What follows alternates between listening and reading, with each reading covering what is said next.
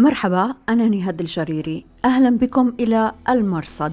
في هذا البرنامج نتابع أخبار العالم المظلم من الجهاديين إلى عالم الإنترنت المعتم والجريمة المنظمة. أهلا بكم في راديو وتلفزيون الآن. بودكاست على راديو الآن. أهلا بكم إلى حلقة هذا الأسبوع من المرصد. نغطي فيها الفترة من 14 إلى 20 مارس 2022 إلى العناوين. داعش يخفق مجددا في تبرير سقطات خلافته المزعومة. قاعدة اليمن تؤكد قتل عمار الصنعاني القيادي الذي حظي باحترام خصوم باترفي. هل ترضي طالبان أنصارها الجهاديين؟ من يعلن فشل النظريات الجهادية السائدة. عن الفيديوهات والصور والأخبار المفبركة نستضيف هذا الأسبوع الأستاذة روان الضامن المستشارة الإعلامية المتخصصة في صناعة المحتوى التلفزيوني والرقمي مديرة شبكة أريج للصحافة الإستقصائية. الأستاذة روان رائدة على مستوى الوطن العربي في صناعة الوثائقيات. وبإمكانكم الرجوع إلى نص هذه الحلقة في أخبار الآن دوت نت. بودكاست على راديو الآن. لا يزال داعش الرسمي يحاول جاهدا تبرير سقطات قيادة التنظيم من حيث إخفاء هوية خليفتيه المزعومين ومن حيث قتلهما مختبئين متخفيين في منطقة أعلنها التنظيم دار كفر. في افتتاحية العدد 330 من صحيفة النبأ الأسبوعية الصادرة عن ديوان الإعلام المركزي يقلل داعش من أهمية قتل الرجلين ويقول عن القوات الأمريكية إنها بحثت بين أكوام الركام في أطمة عن النصر الذي زعمته من قبل في باريشا وهو نفس النصر الذي بحثت عنه في الباغوز والموصل. وهذه مقاربة عجيبة وغير عادلة. ليست الباغوز مثل أطمة وليست الموصل مثل باريشا ولا أدرى بهذا من أنصار داعش أنفسهم.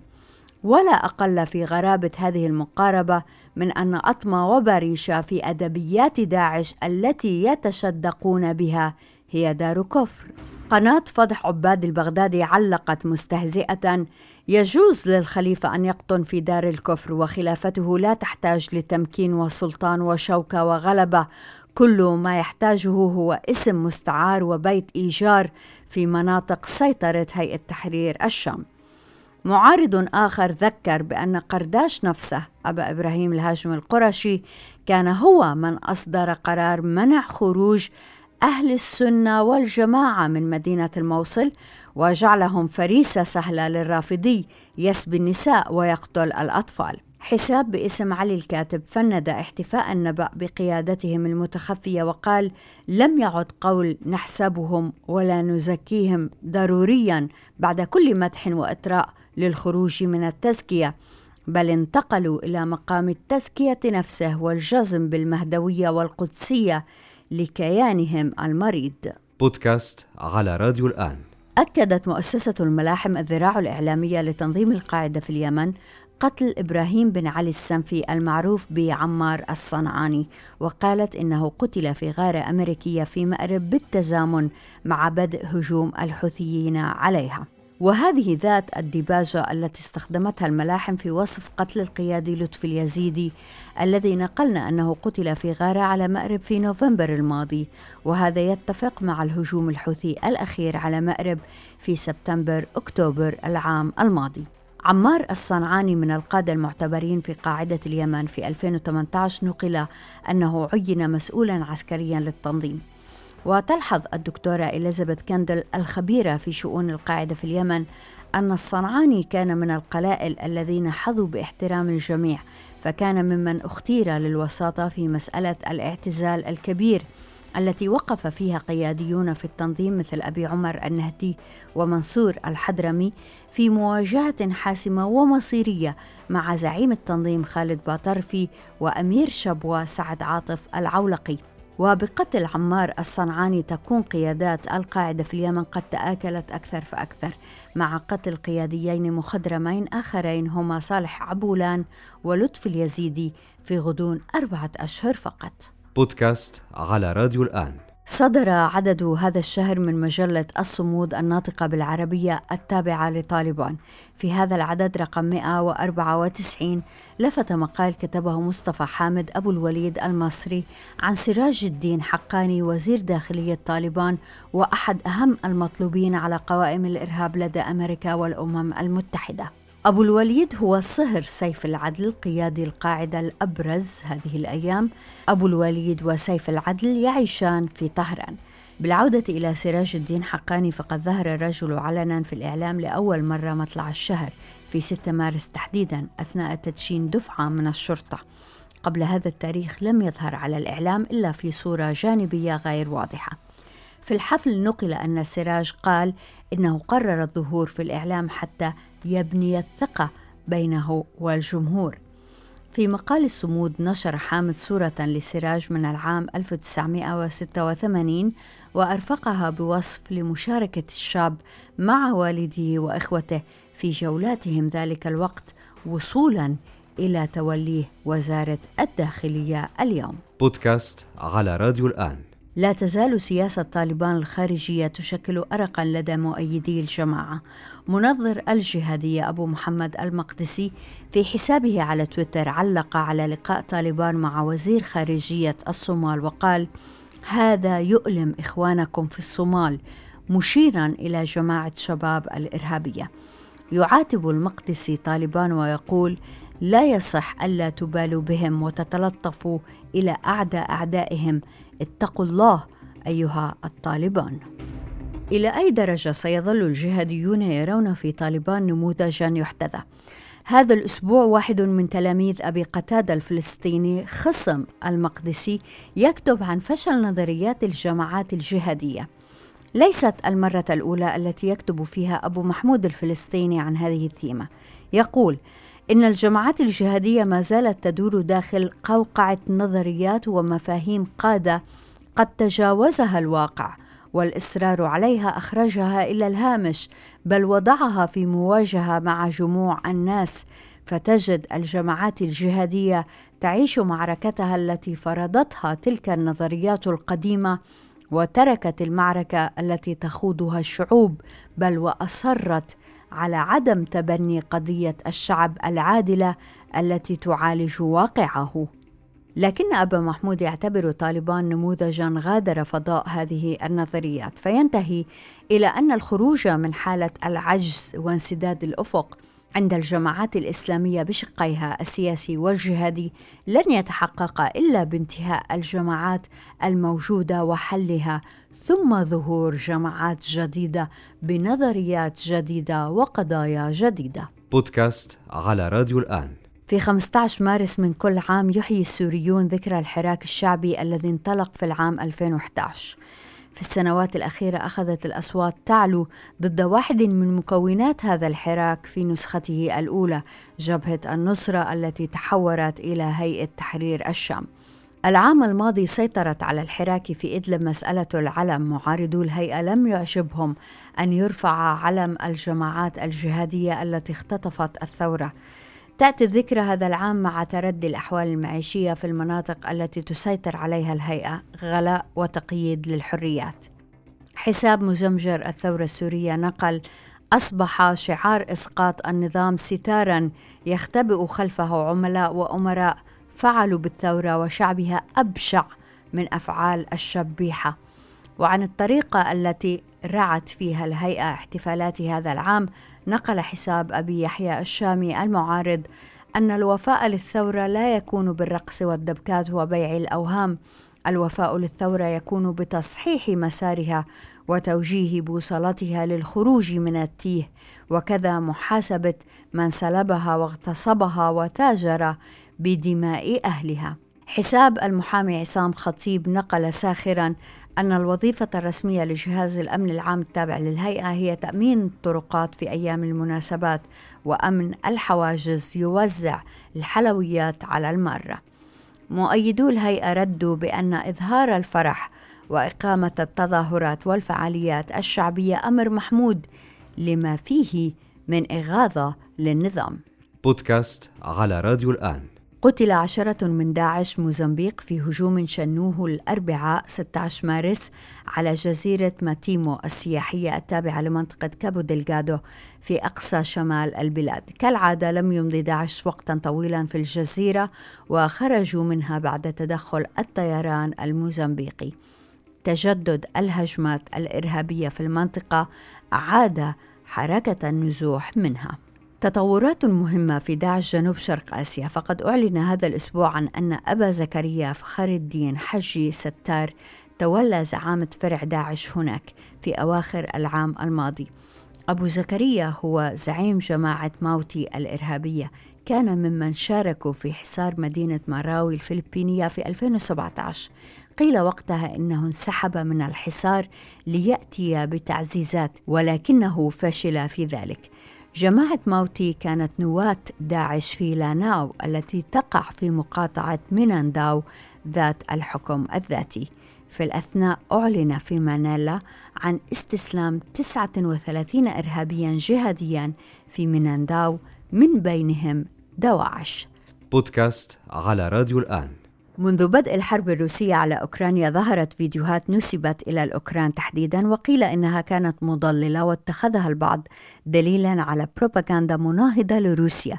الحقيقة هذه الفيديوهات والصور لم تكن صحيحة وإنما كما هي العادة اليوم نقلت من مواقع ومواقف أخرى بتعليق يوحي بأنها من هذا المكان والزمان.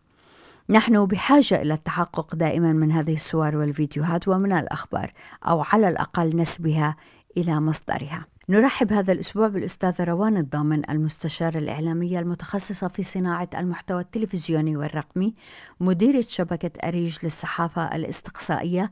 الأستاذة روان رائدة على مستوى الوطن العربي في صناعة الوثائقيات. شكرا جزيلا لوجودك معنا في البرنامج أستاذة روان. أهلين هلا فيكي. أستاذة روان أعترف أني تعرفت على مصطلح التربية الإعلامية سنة 2017 وأدركت أنه هذا المصطلح هو توصيف للأشياء التي كانت تزعجني في صناعة الأخبار طوال فترة عملي كيف نتلقى الأخبار والمعلومات بشكل صحيح ونقدمها بشكل صحيح أيضا هل هذا توصيف دقيق للتربية الإعلامية؟ لماذا نحتاج إلى التربية الإعلامية؟ يعني هي التربية الإعلامية أساسية لأنها بتخص كل المواطنين وخاصة أنها لازم تبدأ بمرحلة الصغر يعني بمرحلة التعليم حتى المدرسي وبعدين الجامعي لأنه كلياتنا صرنا بنتعرض للإعلام بطريقة أكثر كثافة من ذي قبل. صحيح أنه كان في تلفزيون كان في جرايد كان في إذاعات بس مش كل واحد كان معه هاتف ذكي اللي يقدر أنه كل الوقت يكون مرتبط بالإعلام. عشان هيك إحنا صرنا مستهلكين ومتلقين لهاي المضامين الإعلامية زائد صناع لهاي المضامين. وبالتالي علينا أن نتعلم القدرة على الشك والتساؤل في أي شيء بنقرأه أو بنشاهده للأسف الشديد أنه مدارسنا تبدأ بتخلي الطفل يبدأ يكون عنده دائما كويشن مارك في عقله. سؤال عشان هيك بقول لك الصغار دائما بيسألوا بيسألوا بيسألوا لدرجة مزعجة للأهالي.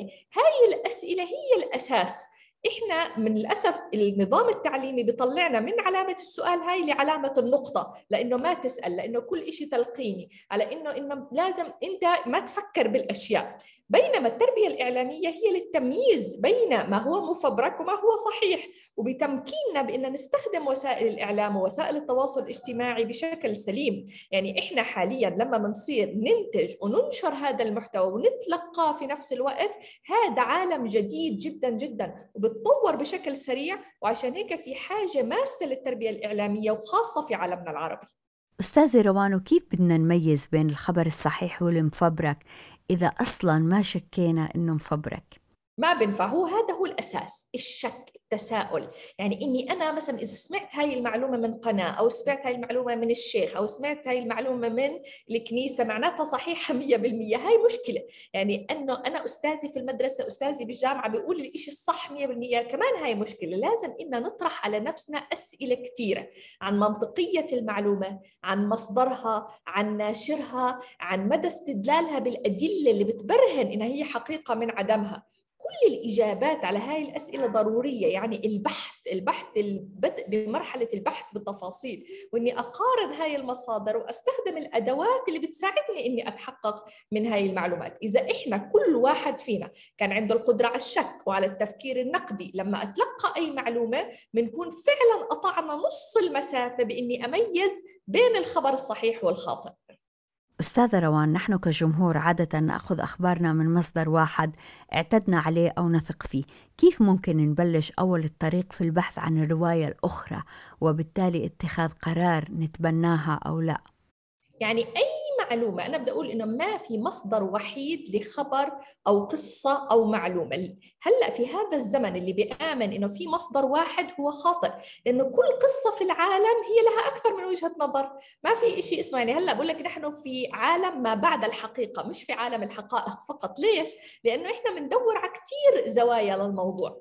فالشطارة إني أنا أسمع من كذا محل وأقارن بين المعلومات وأعمل my own research البحث الخاص فيي أدور أنا أقول طب أنا هذا المصدر قال هاي المعلومة؟ شو في شيء ثاني آليات البحث للأسف الناس بتضيع وقت في البحث لأنها ما بتكون مدركة لأدوات البحث السليمة فما بيعرفوا يوصلوا للمصادر الأخرى. مرات نقص اللغة الثانية لأنه باللغة العربية مش كافية أحيانا حتى نوصل للمعلومات عشان يقدر يكون عندنا لغة ثانية حتى نقارن مع المصادر الثانية. لكن إذا عندنا آليات التساؤل والتفكير النقدي وآليات البحث الأساسية هذا كافي لحتى نقدر إن ناخذ المعلومات من أكثر من مصدر.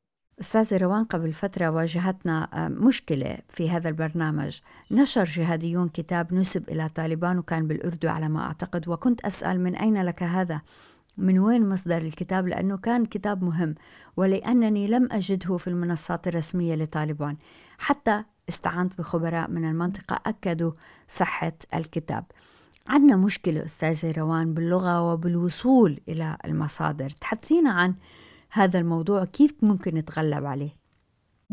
يعني مهم جدا التعاون على اللغات المختلفة وبين الدول المختلفة. لم تعد هاي مشكلة خاصة بمحلية معينة أو دولة معينة أو حتى إقليم معين. عشان هيك كثير من الأعمال هلأ cross border collaboration تعاون عابر للحدود. لأنه للأسف الأطراف الشريرة أيضا هي تتعاون عابرة للحدود. فلازم إحنا برضه نلاقي مناصرين يتعاونوا معنا في عابر للحدود. ما بنقدر نحل مشاكلنا لوحدنا. لا المشاكل اللي علاقة بالمياه ولا المشاكل لها علاقة بالتعليم ولا حتى مشاكل مصادر المعلومات. يمكن السؤال من أين هذا؟ ما هو المصدر؟ هو الحل لكل شيء. ويمكن هذا المبدأ آه، له علاقة بأشياء تعلمناها من المدرسة على الأقل إحنا هون في الأردن. بتذكر في حصص الإنشاء تعرفنا على مصطلح السرقة الأدبية. الآن مع السوشيال ميديا سهل ال copy paste فمن أين لك هذا؟ يمكن يكون خطوة أولى في التربية الإعلامية. ما رأيك؟ يعني ال fact checking برضه إن أنا كل معلومة أعملها fact checking للأسف الشديد في نقص بال pre-publication fact checking اللي هو تدقيق المعلومات ما قبل النشر. الناس تبدأ تدقق المعلومة بعد النشر. لا الأصل إن قبل النشر ما حدا ينشر معلومة قبل ما يدققها. شوف شو المصدر تبعها من وين جبنا هاي المعلومة؟ مرات كثير في مثلا مقطع اقتباس من شخص بيقول شيء هلا ممكن أنا في المقابلة حاليا تقطعوا جملة مني مش في سياقها ويبين إنه أنا بقول عكس اللي أنا بقوله. فبالتالي هذا الإشي بدنا نرجع للمصدر المقابلة الأصلية نسمع شو قال هذا الشخص مش هو بيقول هاي الجملة بس بأي سياق عم بيقول هاي الجملة ليس فقط المقطع وإنما في أي إطار إجا هذا المقطع وهذا بيوصلنا للسؤال إلى أي درجة سهل تزوير الأخبار والفيديوهات هل يمكن حضرتك تذكري لنا نماذج عالمية أو قريبة من المنطقة العربية؟ يعني اللي بدناش نخوف إحنا الجمهور المشاهد لإلنا بس اللي بدنا نقوله إنه سهل جدا جدا تزوير الأخبار والفيديوهات مع التكنولوجيا الحديثة اليوم. فأنتم بتقدروا تطلعوني أنا عم بحكي جمل عمري ما حكيتها من قبل وهذا هلأ الديب فيك الموجود. يعني ممكن شخص بسيط يعني مش إنه معقد كثير يقدر إنه يزور هاي الأشياء. الموضوع مش حكر مثلا على أنظمة أو دول أو مؤسسات كبيرة لا لا لا. ناس عاديين ممكن يعملوا هذا الحكي. وبالتالي وبالتالي في كثير أمثلة يعني بتنتشر بين الناس لما يصير مثلا انفجار أو تظاهرة معينة أو معلومات زي الكورونا مثلا. قال يعني إنه الكورونا ممكن تعالجه بالزنجبيل مثلا وشرب الأعشاب. في كثير أشياء وصلتنا جميعا أكيد عبر الواتساب وعبر وسائل التواصل الاجتماعي وإلى آخره من معلومات كلياتها مضللة. نماذج يعني في العالم كبيرة جدا أثرت على قرارات سياسية مهمة زي مثلا بالانتخابات الأمريكية بال 2016 يعني نتائج هاي الانتخابات كانت من حملات تضليل ممنهجة بهذا اللي صار وحاليا كمان تسمعوا كثير مثلا برافضي اللقاحات ضد كورونا وإنه هذا راح يغير الجينات وراح يخلينا ناس ثانيين وإلى آخره وبيصدقوا الناس هذا الكلام. وبالتالي في هاي يعني المشكلة هاي بين ال misinformation وال disinformation خطيرة لأنه المعلومات الخاطئة اللي هي ال misinformation هي بتنتشر بدون معرفة إنها خاطئة. يعني بغض النظر عن هل في نية لدى الناشر بالتضليل أو لا بينما المعلومات المضللة اللي هي ال disinformation هي في جهات عن عمد بهدف تحقيق هدف قاطع بيحاولوا إنهم يقنعونا بهذا الإشي وهذا فيها أموال ضخمة وفيها وسائل إعلام كثيره وبتدخل بأزمات سياسية وأمنية واقتصادية. وعشان هيك مهم جدا إن نحمي حالنا ونحمي عائلاتنا ونحمي مجتمعاتنا وإلا بنكون إحنا بلا وعي عم نكون جزء من المشكلة. شكرا أستاذ روان أنك ذكرت الحماية فجزء من التربية الإعلامية هو التربية الرقمية. كخبيرة في الاتصال وصحفية وصانعة أفلام وثائقية وباحثة لك باع طويل في مجال الاتصال الجماهيري بمختلف قنواته ما أهم ما يجب أن نعرفه كتربية رقمية؟ يعني إحنا حاليا نعيش كلياتنا في العالم الرقمي. مش إنه إحنا بنعيش في العالم الواقعي وفي عالم رقمي ثاني ما دام إحنا في عنا الحاسوب وفي عنا الهاتف الذكي وفي عنا كل الوسائل اللي نتعامل معها إحنا بنعيش في هذا العالم. عشان هيك الحفاظ على الخصوصية والأمن الرقمي مهم جدا جدا. في حدا بيقول لي أنا ما عندي شيء سري اخبيه مش مشكلة يعرفوا عني كل المعلومات. بقول له طيب أعطيني موبايلك تحب أشوف صورك الشخصية؟ تحب أشوف صورك اللي أنت بتعمليها مع عائلتك؟ عائلتك قولوا لي لا هذا إشي أنا بدي إياه خاص. طيب إذا أنا بدي إياه خاص لازم أعرف كيف أحميه. وبالتالي التربية الرقمية هي يعني عالم واسع. فيها تحليل بيانات فيها تطوير تطبيقات فيها إدارة لوسائل التواصل الاجتماعي فيها إنشاء برمجيات. بس الجوهر تبعها هو التدريب والتعليم على إنه أنا كيف أحافظ على خصوصيتي والأمن الرقمي تبعي. والأمن الرقمي متصل بالأمن بشكل عام. يعني بصيرش أنا أحمي الموبايل تبعي واللابتوب ويكون أنا شباك البيت بيقدر الحرامي ينط وياخذ اللابتوب إمتى ما بده. فبالتالي هذا الأمن ال physical الحياتي الشخصي مرتبط بالأمن الرقمي مرتبط بالأمن القانوني. ممكن أنا أتعرض ل hacking مش معناه إني أنا حميت حالي تماما إني أنا ما بتعرض لهذا الشيء طب إذا تعرضت تعرضت لقرصنه شو الإشي اللي لازم أعمله؟ شو الإشي القانوني اللي لازم أعمله؟ وبالتالي الأمن الشخصي مع الأمن الرقمي مع الأمن القانوني بيشتغلوا سويا. وهلأ في إضافة عليه الأمن النفسي. يعني صبية بتتعرض لابتزاز بيجي بقول لها أنا باخذ صورك إذا ما بتدفعي لي كذا بحط صورك أنت محجبة بحطك بلا الحجاب إلى آخره. هذا الابتزاز هذا مش بس بيعمل إرباك في التربية الرقمية بيعمل أثر نفسي عند الناس. عشان هيك لازم كمان أكون أنا مدربة الزملاء والزميلات وكمان المجتمع على كيف يحموا حالهم نفسيا. عشان هيك الموضوع معقد وللأسف الشديد إنه قليل جدا من مؤسساتنا اللي بتشتغل يعني فعلا عندها موظفين وفريق وإلى آخره مهتمة تدربهم على هذا المجال. الأمن الشخصي كيف أحمي حالي أنا وجدت حالي فجأة بمظاهرة. شو أعمل؟ الأمن الرقمي الأمن القانوني لمين أتصل؟ لمين أخبر؟ كيف أخبر؟ كيف أحكي مع هاي الجهات؟ والأمن النفسي كيف أحافظ على آه، فعلا ال well-being تبعي ال psychological أنا وعائلتي وأصدقائي. الحقيقة بما أنك حكيتي عن القوانين عندي سؤال يتعلق بمسألة أخلاقيات المهنة. لما بنغطي وجه طفل بنغطي العيون هالأشياء مهمة جدا؟ هي الجهد الذي نبذله نحن كصحفيين حتى تكون الصورة واضحة للناس من دون ما أنه نسبب أذى لآخرين. تحكي لنا لطفا عن أهمية هذا الموضوع. يعني مرات مرات بيقولوا لك 100% مرات بيقولوا لك إنه فلان مثلا معاه موبايل بصور صار صحفي وإعلامي. بقول لهم هذا الشخص ما دام ما عندوش أخلاقيات المهنة بينفعش يصير صحفي واعلامي فإحنا هذه الأخلاقيات هي الأساسية في الموضوع كله واللي للأسف فيها نقص شديد. ففي ناس من أجل الشهرة من أجل المال من أجل الوصول بيتغاضوا عن كل الأخلاقيات هاي وهي في غاية الأهمية.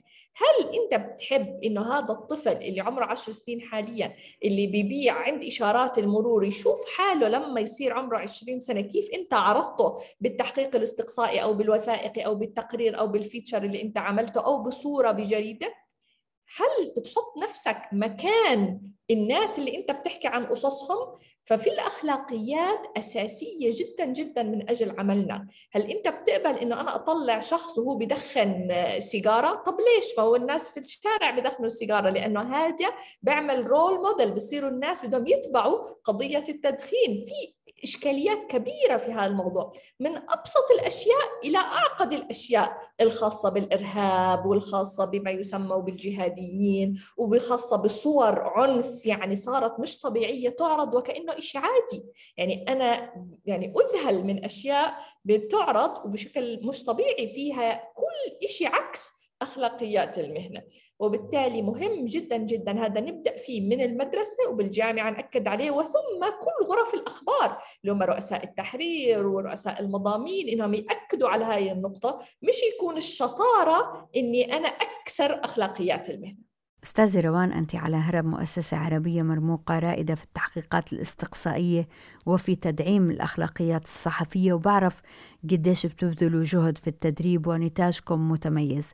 عندي سؤال يتعلق بعملنا في هذا البرنامج وعمل الصحفيين كثر في مجال متابعة أخبار الجهاديين. عندما ننقل ما يقوله هؤلاء أو ما يفعله هؤلاء إلى أي درجة ثمة خشية من الترويج لهم؟ هي هذا التحدي كبير جدا والإشي إنه ما في يعني هي مش علم هي فن وأخلاقيات. يعني مش إنه بتيجي مثلا صورة بتقولي لي أحط هاي الصورة ولا ما أحطها. كيف أحطها؟ بأي سياق أحطها؟ إيش اللي أنبه له برضه أنا ما بدي أخفي الحقيقة عن الناس اللي بيعملوه. يعني أكيد في وسائل إعلامية تروج للجهاديين خدمة لأجندات معينة وموجود وهم نفسهم عندهم قنواتهم الإعلامية. يعني هذا برز مثلا مع تنظيم داعش الإرهابي. يعني هذا الشيء كان موجود. ولكن في المقابل في بدنا نفضح انتهاكات الجهاديين. يعني فينا نفضح شو اللي عم بصير. وعشان هيك كثير مهم إن إحنا نعمل على إحياء لدى الجيل الجديد من المشاهدين والصناع المحتوى إن نأكد إنه في فرق بين التضليل والفبركة وفي فرق بين الترويج للفكر المتطرف وفي فرق بين فضح هذا اللي عم بصير. وبالتالي في في بين كل هاي الأشياء بنرجع للجوهر اللي هو الأخلاقيات أساسيات المهنة خاصة في يعني ظل ندرة إعلام عربي غير منحاز ولا يعمل ضمن بروباغندا معينة. يعني لدرجة إنه أنا بقول إنه الغث والسمين هاي مشكلة إنه الناس بطلت تفرق بين الأشياء. وعشان هيك بنرجع إنه لو إنه بنفكر وبنقول هذا fact check هل هاي المعلومه 100% صحيحة؟ هل هاي المعلومة المحامي شافها؟ مرات المحامي بيقول لنا لا هاي الكلمة ممنوع نستخدمها لأن هاي الكلمة إحنا بنكون معتقدين إنه عادية بس هاي الكلمة ممكن تضر الصحفي ممكن تضر القناة ممكن تعمل عكس هذا الإشي ممكن حدا يرفع علينا قضية ويبتزنا من استخدام هاي الكلمة. وبالتالي المهنية في العمل والدقة فيه ومعلش ننام على الإشي أكثر شوية وما نركض ورا السبق ورا السرعة هذا كتير بيساعد إن نوصل للصح اللي بدنا نوصل له. الأستاذة روان الضامن المستشارة الإعلامية المتخصصة في صناعة المحتوى التلفزيوني والرقمي مديرة شبكة أريج للصحافة الإستقصائية شكرا جزيلا لك. شكرا شكرا جزيلا. يعطيك ألف عافية. وشكرا جزيلا لوجودكم معنا في راديو وتلفزيون الآن. أنا نهاد الجريري مع السلامة. بودكاست على راديو الآن.